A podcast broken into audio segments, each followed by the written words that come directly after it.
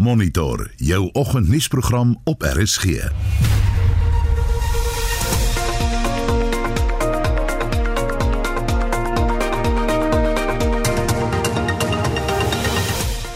ons program vanoggend die nasionale koronabevelsraad vergader vandag om die moontlike opheffing van die nasionale ramptoestand te bespreek. We have made our clear intentions to do away with the Disaster Act. But we have said that we don't want to leave a vacuum because the biggest challenge here, this thing is so unpredictable. You must have means in case it comes at an unexpected time. Kamer se vlerke word weens veiligheidsoorwegings vir 'n onbepaalde tydperk geknip. We are not surprised at these unfortunate developments as we have been warning the airline from within of the dangers of their cost cut. SAK nuus. Onafhanklik, onpartydig. Byna 13 minute oor 6. Goeiemôre, welkom by Monitor. Kom ons begin vanoggend se program net met 'n vinnige brokkie nuus uit die cricket cricket wêreldbeker. Suid-Afrika se vroue speel vandag natuurlik in hulle derde wedstryd in die toernooi. Uh hulle het vanoggend die lood gewen, Engeland ingestuur om te golf en Marizan Cup fantasties vandag twee vinnige paadjies vroeg in die beurt van Engeland. Uh, hulle was op 'n stadium 42 vir 3. Tammy Beaumont en Amy Jones het die herstelwerk gedoen uh vir noodskap van 107 lopies het Engeland tot uh, by 149 vir 4 gebring, maar uh, Marizan Cup nou baie goed in die uh, laaste paar balbeurte. Sy uh, syfers 5 vir 34 na 9 balbeurte en is ook die eerste vyftal in haar eendag loopbaan. Die jongste telling 202 en uh, 227 vir die verlies van 9 paaltjies en daar's nog net een balbeurt oor in Engeland se beurt. En dan gaan ons nou oor na vanoggend se nuusoorseig. Justin Kennedy staan gereed en Justin 'n vlugskok vir Kamme oorheers die eh, plaaslike koerante se voorblaaie vanoggend. Ja, Udo beeld in die burger skryf kom eers se Kulula BA eers gehok en Volksblad se opskrif is effe anders, maar die boodskap bly dieselfde. Al kom eers se vlugte is vir 'n onbepaalde tyd weens veiligheidskwessies gestaak. So ook skryf Business Day indefinite grounding of flights is a huge blow says Comair en beeld dra ook 'n groot foto van die Olimpiese goue medalje wenner Tatjana Skuman uh, wat uh, Saterdag as SA se sportvrou en uh, sportster van die jaar aangewys ja, is. Ja, jong dame skoenmaker. Skoenmaker, ja. In News 34 skryf ANC bigwigs cops and spies probed over July unrest as families wait for justice. Volgens die berig wil die polisie ANC hoes in hegtenis neem op aanklagte van verraad, maar wanneer dit gaan gebeur is egter nie seker nie. Independent Online fokus op die konflik in Oekraïne. Russia strikes near Polish border as Mariupol counted state lei die opskrif bo fotos van die verwoesting by die Yavoriv weermagbasis in die weste van Oekraïne. En die konflik uh, geniet nog baie aandag op Twitter. Die hitsmerk Russia-Ukraine war is oral te sien en mense bespreek nou ook China na die nuus dat Rusland militêre toerusting van China aangevra het. Dit is nie bevestig nie, maar is deur Amerikaanse amptenare bekend gemaak. En dit was Justin Kennedy met vanoggend se nuusoorseig. Die departement van gesondheid plaas die week die fokus op sout in 'n poging om bewustheid te skep oor die gevare van oormatige sout in 'n die dieet. Ons praat later in monitor met 'n die dieetkundige daaroor, maar ons wil vanoggend weet, hoeveel sout neem jy daagliks in en is jy bewus van die gevare wat verskuilde sout in byvoorbeeld geprosesseerde kos inhou. Dalk het jy opgehou om so baie sout te eet. Die dieetkundige sê die slegte gewoonte kan binne net 6 weke afgeleer word. En hoe lank het dit jou gevat om jouself van sout te speen? Nog 'n vraag, is jy een van daardie Suid-Afrikaners wat sout oor kos strooi sonder dat jy dit eers geproe het? Nou ons het al 'n bietjie terugvoer vir oggend Jo Marie. Dis reg, ek wil begin met Ren Willie wat sê jy kan net eenvoudig nie smaakvolle kos sonder sout maak nie, maar sy sê die mense wat sout oor kos strooi nog voor hulle happies gevat het, mm. hulle is 'n gevaar vir hulle self en beledigend teenoor die kosmaker. Net eenvoudig 'n slegte gewoonte, skryf sy. En dan nog iemand wat op ons Facebook bladsy skryf, ek probeer regtig die dokter se raad volg, maar die kos proe net nie dieselfde sonder daai soutjie nie. Ek geniet dit dan so met 'n appel. Smaak te lekker. Nou ja, ons praat vanoggend oor sout, die oormatige gebruik daarvan, of jy bewus is van die verskuilde soutinhoud in verwerkte kosse, strooi jy jou sout oor jou kos voordat jy dit geproe het, of is jy een van diegene wat dalk deur die jare jouself van sout af kon speen? Laat weet vir ons. Stuur 'n SMS na 45889, dit kos R1.50. Jy kan vir ons 'n WhatsApp stemnota stuur. Die nommer daar is 076 536 6963 6369 Verskoon my en dan kan jy ook gaan saampraat op ons Monitor en Spectrum Facebook bladsy. Die burger lugvaart owerheid het die opskorting van KMS se vlugte vir 'n onbetaalde onbepaalde tyd verleng. Die aanvanklike opskorting vir 24 uur sou gister eindig, maar die owerheid sê die redery het nie voldoende aandag aan alle veiligheidskwessies gegee nie. KMS het verlede maand probleme ervaar soos 'n vliegtyg enjin en 'n landingstuig wat in twee afsonderlike gevalle onklaar geraak het. Die opskorting raak ook kulula.com en British Airways. Die nasionale woordvoerder van die vakbond Nomsa Pakamele Glube Majola het die bestuur van KMR die skuld gegee. We are not surprised at these unfortunate developments, as we have been warning the airline from within of the dangers of their cost cutting measures and that this would eventually have the impact of compromising safety standards by not giving their aircraft enough ground time for proper maintenance. We demand that ComAir focus on running the company and implementing a clear turnaround strategy. They must stop cost cutting and cutting of benefits of the lowest paid workers in the company, as this has clearly proven to have failed as a solution. The CEO, Glenn Osmond, does not have a vision to turn the organization around, and his lack of strategic leadership is contributing to the crisis. Nou ja, ons praat vanoggend hier oor met Solidariteit se netwerkkoördineerder van lugvaart Derek Mans. Goeiemôre Derek. Goeiemôre. Jy het nou gehoor wat Pakamile hier sê. Skets net vir luisteraars wat nie daai storie van Meta van gevolg het net die agtergrond. Nou soos Udo tereg gesê het in die inleiding, kom dit na die opskorting, die afhanklike opskorting kom nadat daar 'n audit op die vlieg op twee vliegtye gedoen was uh, by Comair nadat daar met twee nuwe engines dis natuurlik twee nuwe engines wat wat probleme ehm um, gegee het wat onklaar geraak het en moes inderhaas teruggevlieg het na die basis toe van waar hulle af gevlieg het. En die die opskorting het 12 uur Saterdagmiddag in werking getree. Hoe raak dit die maatskappy en werknemers uh, en, en en kyk ook na Kalula en British Airways? Ja, so natuurlik op die oomblik word daar glad nie gevlieg nie. Ehm um, dit beteken daar word nie enige inkomste gegenereer nie.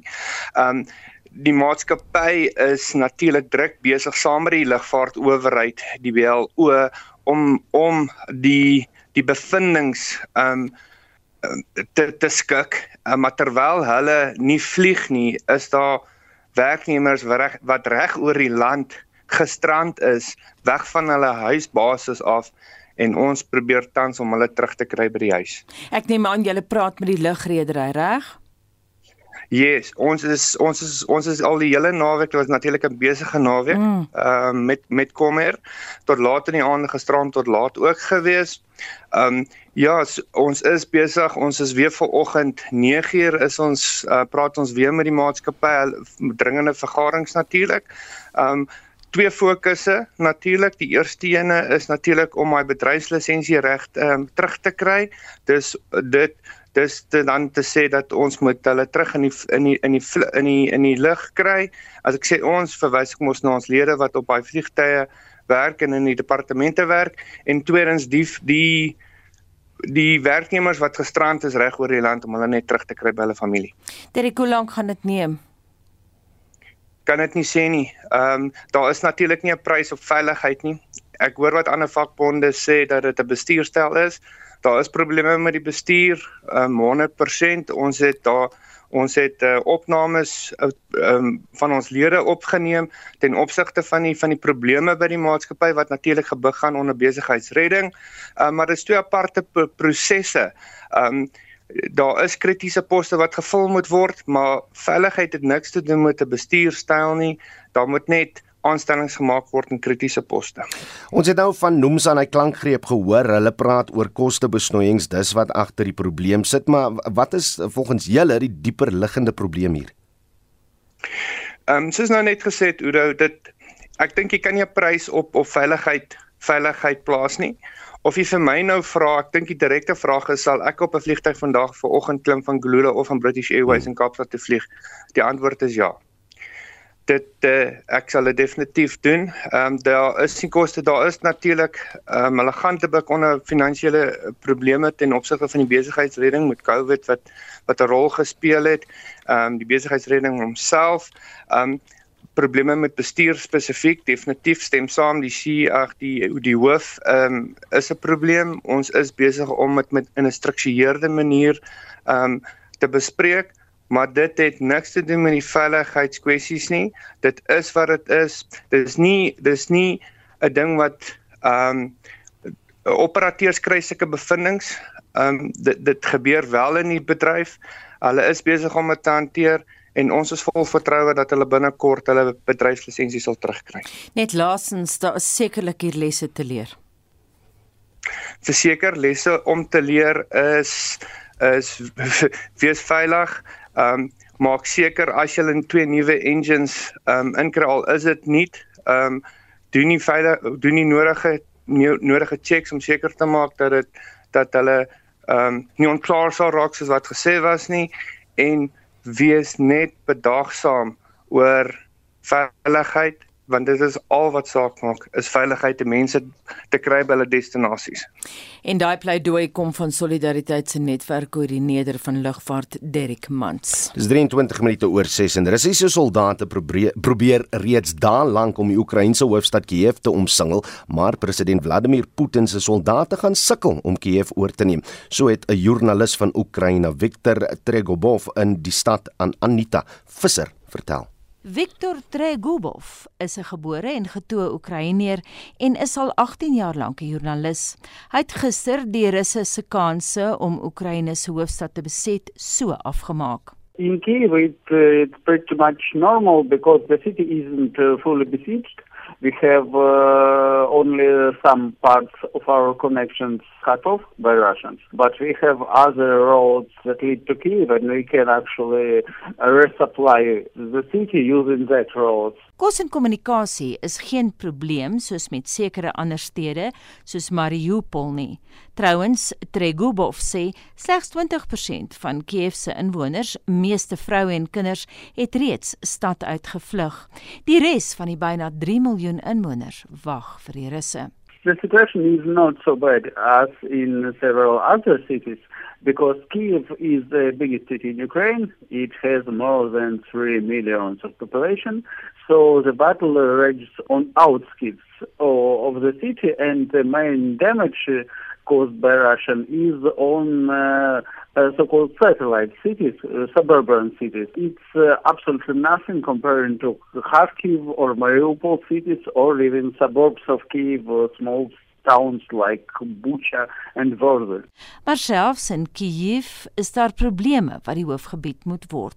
Maar sê Tregubov, hulle kan dit hanteer. Of course there are some deficits there are some lack of uh, well specific maybe supplies it's harder to get gas but uh, it's not impossible op 'n vraag of Putin die stad sal kan oorneem het die joernalis sonder aarzeling geantwoord No, the city is too well prepared to take Kiev from beginning was military impossible just because Kiev is a really big city. Kiev is a hell to assault because of the geographical position of Kiev, because of its uh, population density, because of its buildings, uh, landscape, and so on. So I don't think they just have a military capability to do that. I'm pretty sure Kiev will stand. Oekraïners se boodskap aan die Kremlin is duidelik. Everyone here knows his place and his role in defense of the city. Boonop is die moreel in die stad baie hoog, so vertel Tregubov. Any person that actually theoretically wanted to evacuate from Kiev could evacuate from Kiev. So basically, the, uh, everyone who is in Kiev right now is just a person who consider, first of all, consider Kiev won't be taken, and second of all, uh, ready to fight in uh, some way. En alhoewel die fokus nou van Mariupol verskuif het na Kiev, bly die boodskap aan Vladimir Putin dieselfde: jy het jou misgis. We fight and we plan to persevere, and uh, for now, the Russian advance is uh, fully stopped. Even some counterattacks be- began, so it's uh, not uh, not looks uh, so tragic as it was on the beginning, on the first stage of invasion. En dit is nie net Viktor Tregobov wat so voorspel nie. Verlede naweek het Monitor 'n onderhoud gevoer met 'n voormalige spioenbaas in Estland, Erik Niels Kross, wat sê een van Putin se grootste foute was om die geografiese grootte van Oekraïne te onderskat.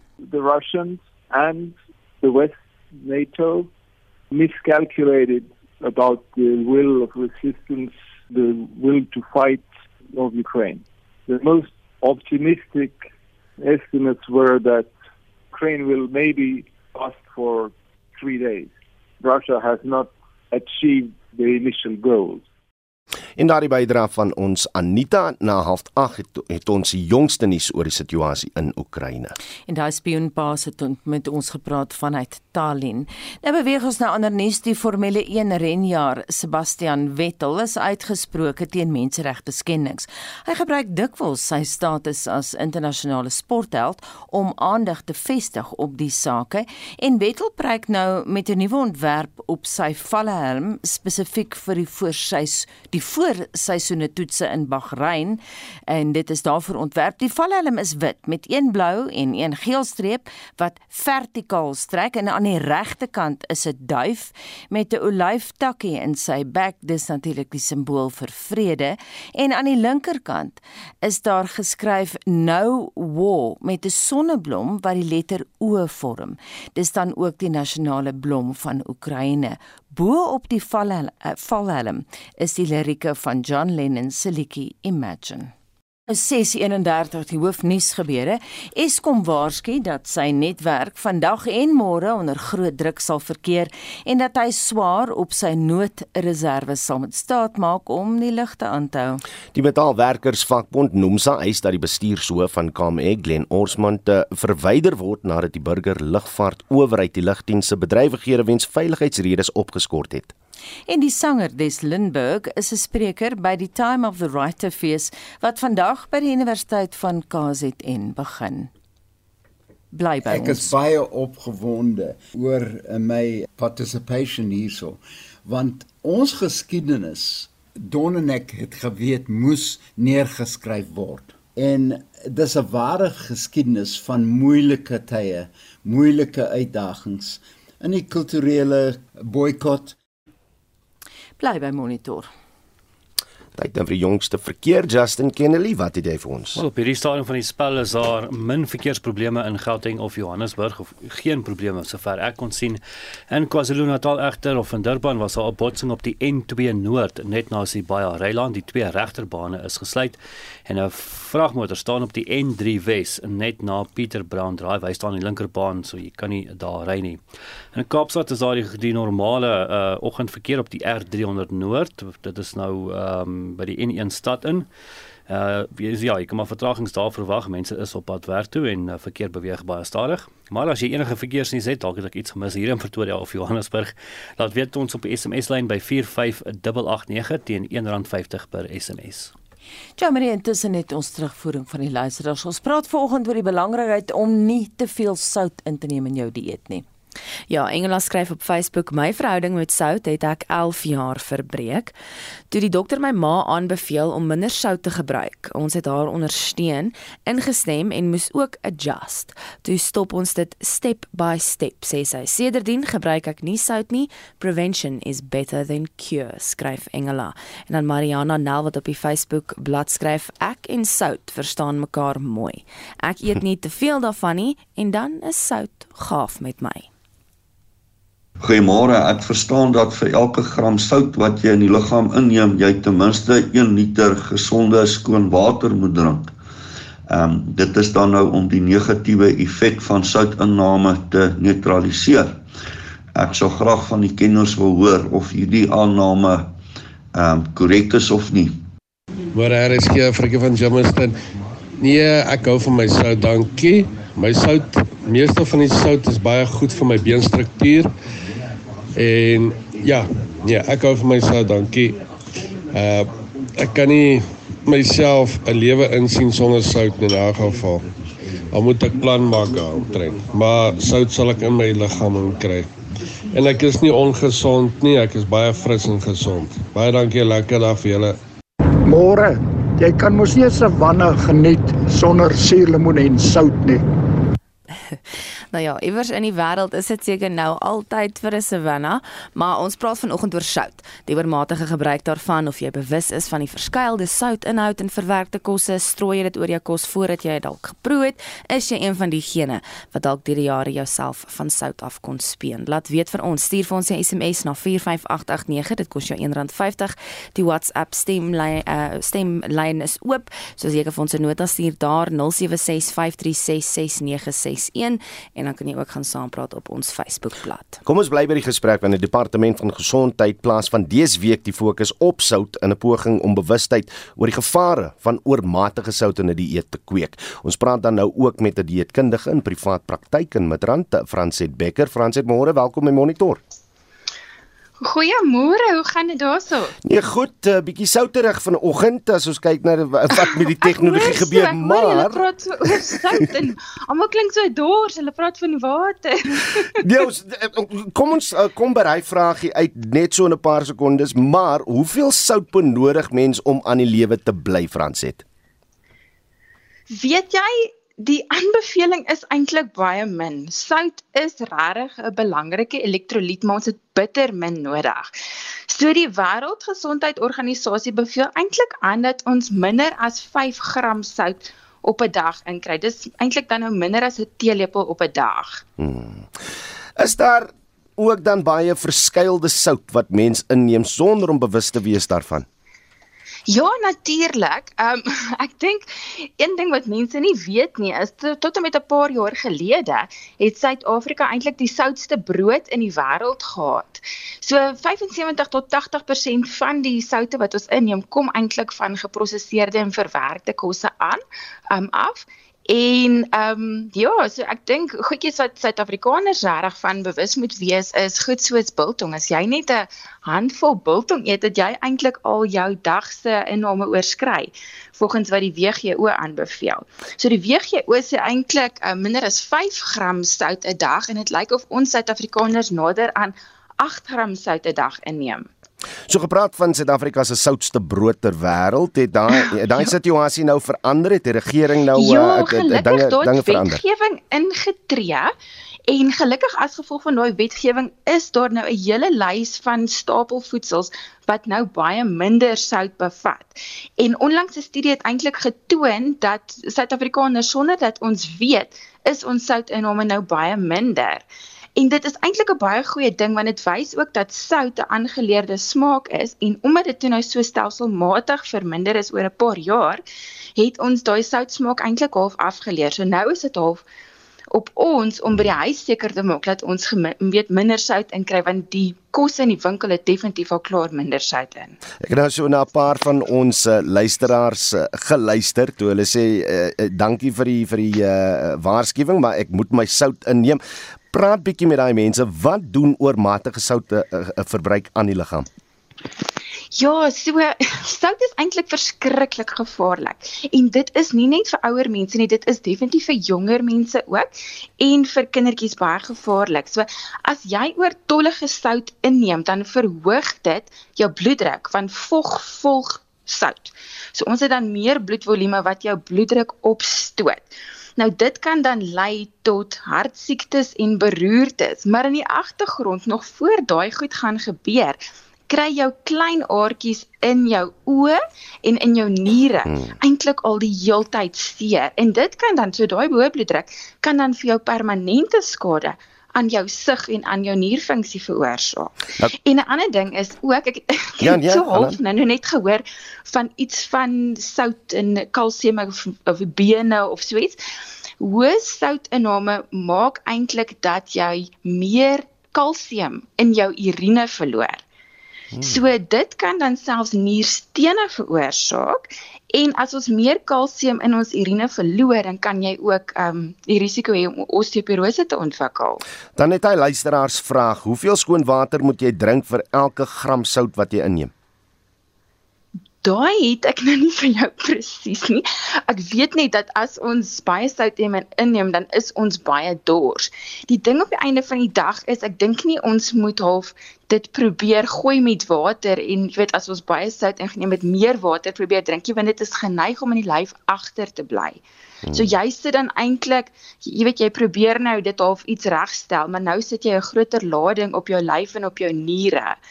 Ehm um, so mense moet eerder probeer om daai sout in hom laag te hou en nie te sê maar ek het 'n sekere hoeveelheid sout ingeneem en nou moet ek meer water drink daarvoor nie.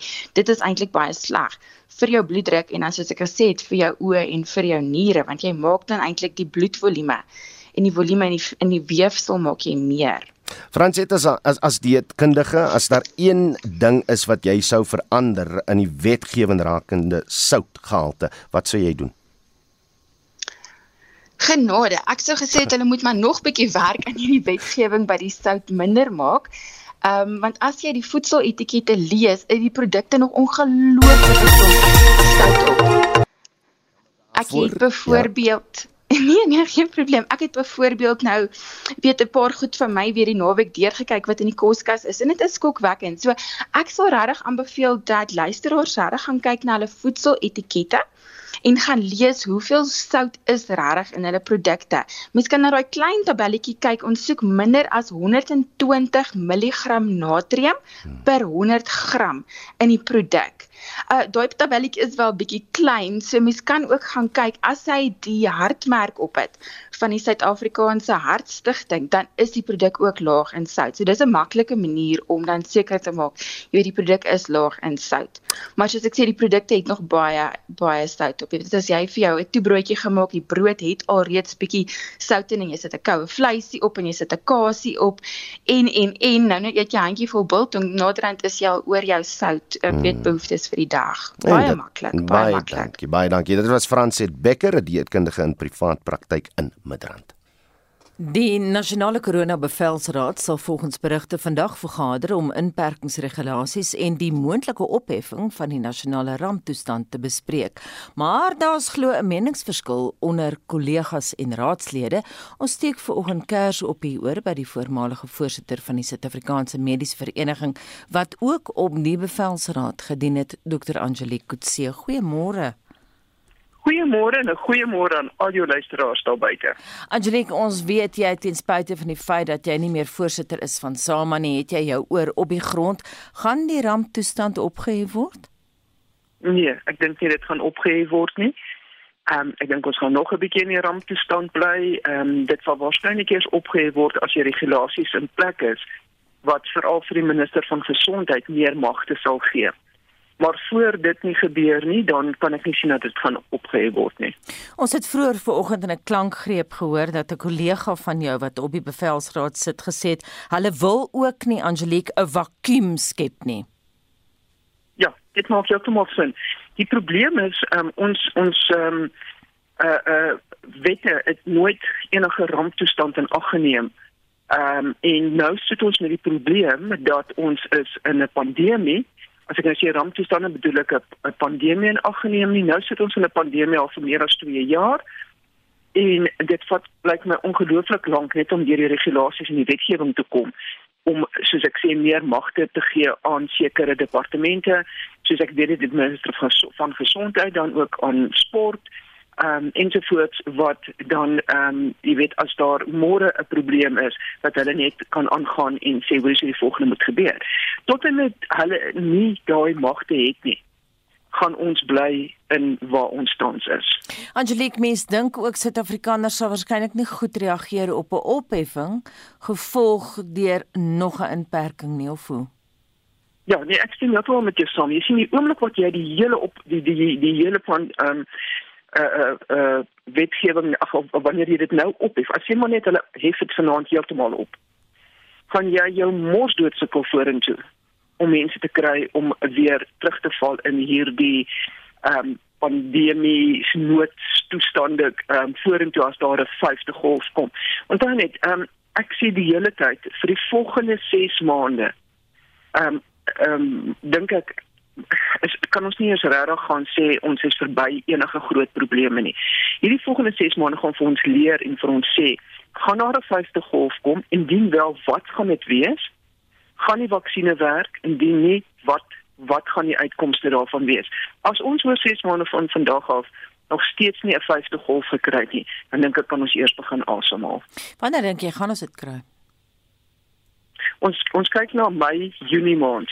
Ehm um, vir die as ons kyk na die patroon wat ons hier afgelope 2 jaar gesien het, dan is dit uh, Mei en Junie wat ons twee groot krisismaande gaan wees. Angelique, daar's verwarrende berigte en teenstrydige berigte. Wat sien jy in jou praktyk? Tel die gevalle op? Nee, die gevalle tel nie op nie maar daar's daagliks gevalle. Ek dink dit is dit is belangrik. Nou as jy na ander lande gaan kyk. Ek dink ons het gisterand of gister se se data vir Saterdag was so oor die 900 positiewe gevalle. Maar van die meeste in Gauteng. So as jy in ander lande gaan kyk, dan kry hulle omtrent 'n hartaanval nog steeds oor daai getalle. In Suid-Afrika het ons nou so so ehm um, afgestomp geraak dat ons sê, "Oké, mm, dis alright, daar's nie so baie mense nie." Maar daar's nog steeds elke dag positiewe gevalle uh die mense is nie baie ernstig siek nie. Uh dit is so, maar jy weet ek sê altyd jy weet nooit wat wat is jou lot as jy dit kry nie. Veral as jy nie ingeënt is nie en en, en jy weet jy is ouer of en jy klomp siektes. Jy kan nie dis soos 'n dis soos 'n soos 'n dobbelspel wat jy speel. Jy mag baie min simptome hê en jy mag in die onge in die ICU beland want dit is nog steeds 'n klomp gevalle in ICU as mens van kyk in intensiewe sorgeenhede. Baie dankie. Ons sal daai storie beslis moniteer dit dan die voormalige voorsitter van die Suid-Afrikaanse Mediese Vereniging wat ook gedien het op die regering se COVID bevelsraad Dr Angelique Kutse. Die sluiting van die misdaadrekordkantoor in Pretoria die afgelope week het volgens die leier van die Vryheidsfront Plus Dr Pieter Groenewald nie net 'n impak op misdaadbestryding nie, maar op verskeie mense in die burgerlike samelewing. Die kantoor is gesluit omdat die departement van openbare werk en infrastruktuur 'n betalingsgeskil met die gebou se eienaar het. Nou die kwessie is die afgelope week in die parlement bespreek en Groenewald dien op die betrokke parlementêre portefeulje komitee ons praat ver oggend met hom. Goeiemôre Pieter. Pieter, kan jy my hoor? Goeiemôre Anita. Daar sê ek is bly ons het jou darm. Pieter, wat is die impak van die sluiting van so 'n kantoor op misdaadbestryding? Wel op misdaadbestryding moet ons onthou dat daar moet rekords eh, getrek word van byvoorbeeld persone wat in die hof moet verskyn. Ons weet dat uh, daar word elke keer as 'n persoon in die hof verskyn, dan moet daar gekyk word of daar enige vorige veroordelings is en dit kan gebeur dat dit nou agterstal, dit is reeds agterstallig en dat ons nou nie dadelik dit kan kry nie. Daar kan dalk al 'n hofdatum bepaal wees en dan is die rekords nog nie beskikbaar nie, dan moet die hofsaak weer 'n keer uitgestel word. Dit is nadelig vir bestryding van misdaad en om mense dan betyds te laat verhoor om sodoende misdaad effektief te kan bestry. Pieter, eh, die polisiekommissaris sê intussen is die uh, gebou uh, weer nou oop gemaak. Uh die die uh, ding is nou ook in die parlement bespreek. Is jy tevrede met uh, hoe hoe hierdie saak besleg is? Nee, ek is beslis nie tevrede nie. Ons het uh, wo verlede Woensdag het ons by die portefeulje komitee van die polisie in die parlement het die saak uh, ter sprake gekom en toe is dit gesê maar dit is nou weer geopen. Maar uh dit is onduidelik vir hoe lank dit geopen gaan wees. As 'n mens gaan kyk na ander media berigte, dan is daar 'n groot meningsverskil tussen soos jy tereg gesê het, die eienaar met ander woorde die verhuurder en dan in hierdie spesifieke geval die polisie en hoe dit werk is dat ja dit is die departement van openbare werke wat direk met byvoorbeeld die verhuurder 'n ooreenkoms sluit maar soos in hierdie geval betaal die polisie maandeliks die bedrag van die huur oor aan die departement van openbare werke en dan moet hulle dit betaal.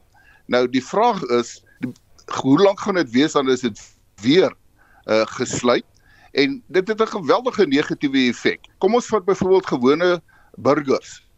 Daar is baie mense wat as hulle aansoek doen vir 'n spesifieke tipe visa of visum, dan moet hulle 'n uh, misdaadrekord klaring aanheg.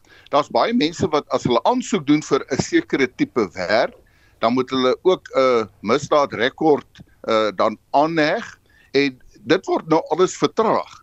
En daarom het dit 'n geweldige negatiewe effek ook op die gewone publiek in die handel en wandel van hulle werksaam. Pieter, dit is die eerste keer dat die Gautengse Departement van Openbare Werke by 'n geskil oor geld betrek word nie. Mens kan nie help om te dink byvoorbeeld aan die naderdraai van die brand by die Charlotte Macleay Hospitaal in Johannesburg waar die departement herstelwerk bemoeilik het. Hoekom is die departement oral betrokke in die nuus vir die verkeerde redes? Wel, soos jy reg sê Anita vir die verkeerde redes. Uh ons wil nou by die komitee uh, baie duidelik die minister van hê wat sy moet kom vertel wat gaan aan want daar word oral probleme ondervind selfs by sommige polisiestasies uh waar daar ook probleme is. Nou goed, ons weet wat is die argument. Dit is 'n staats uh kan ons sê ooreenkoms wat gesluit word uh oor eiendom en die uh, bepalinge is dat die openbare werke departement hanteer alle eiendomme en die transaksies van eiendomme waar die staat betrokke is. Ons het al 'n paar keer gevra dat byvoorbeeld in die geval van die polisie dat hulle dit direk kan doen. Uh, maar dit word net eenvoudig nie toegestaan nie en ons gaan kyk daarna en as daar bepaalde wetgewing is wat dit heeltemal verbied dan moet daardie wetgewing verander word want ons kan nie so aangaan nie. Uh so kom ek vat nou sekere polisiestasies. Dit verval. Uh die toilette werk nie. Uh die hele gebou is in 'n vervalle toestand. Ons het dit byvoorbeeld nou gesien met die sentrale vuurwapenregister uh wat ons gaan besoek het. Die gebou is nie meer geskik nie, maar die departement van openbare werke het die ooreenkoms gesluit en die polisie het dan geen keuse nie. Hulle moet net eenvoudig voortgaan daarmee.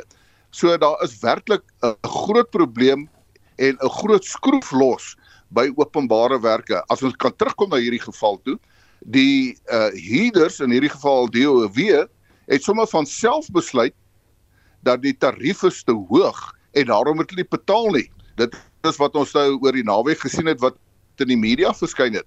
Nou verbeel jou, jy huur 'n huis by 'n verhuurder en dan besluit jy ewe skielik maar dit is te veel vir uh hierdie huis en ek gaan nou nie meer betaal nie. Dis totaal onaanvaarbaar.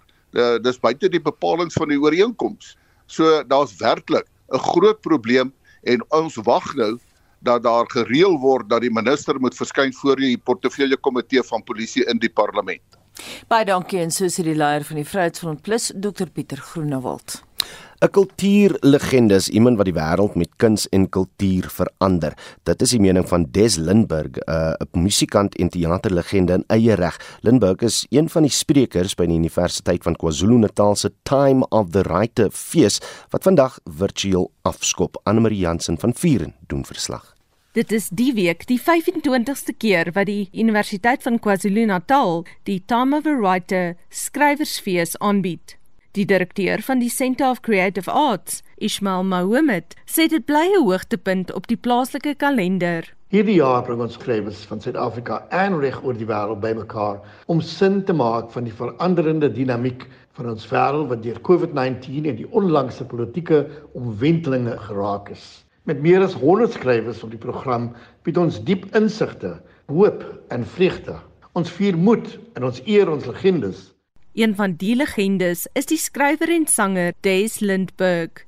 I feel that it's very important to have festivals like this want ons geskiedenis Donnenek het geweet moes neergeskryf word. En dis 'n ware geskiedenis van moeilike tye, moeilike uitdagings.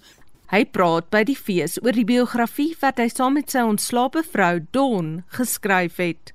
Don and I both knew that there was a lot in our public image, which was not telling the whole story. The whole story is in the book that we've written, Every Day is an Opening Night. And we wrote that book together. Dawn is in 2020 aan COVID oorlede. The book was mercifully almost complete when Dawn fell ill. And six days later, Dawn was gone.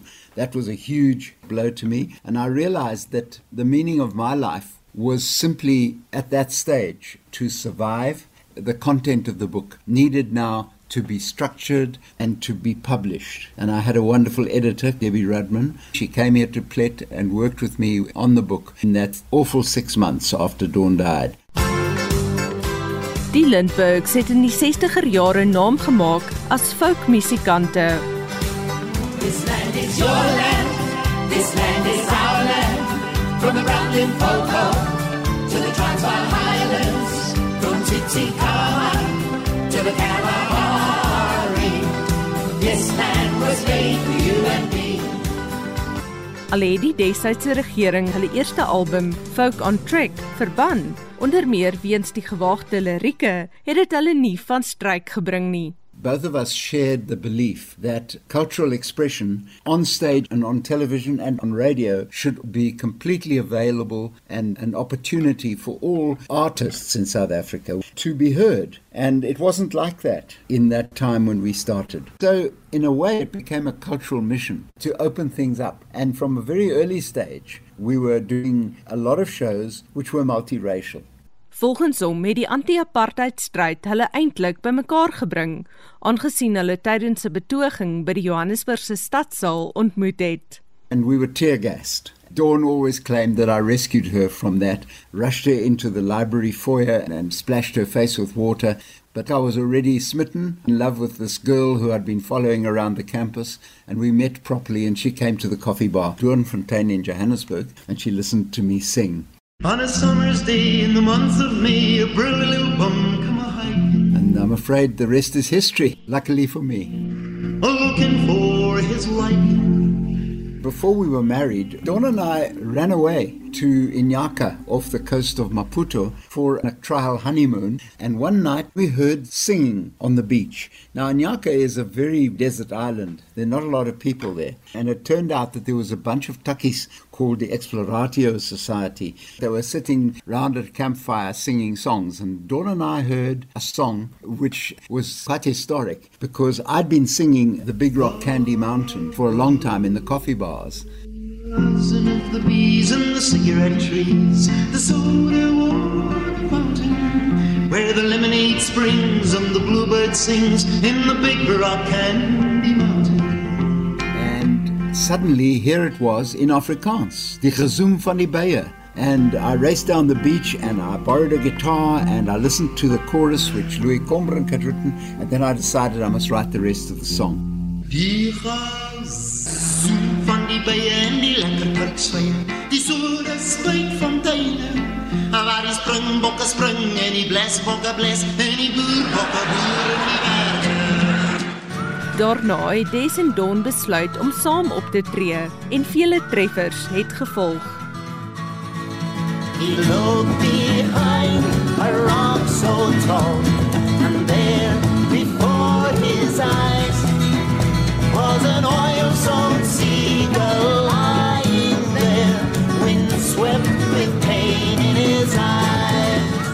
the seagull's name was Nelson, was written in England.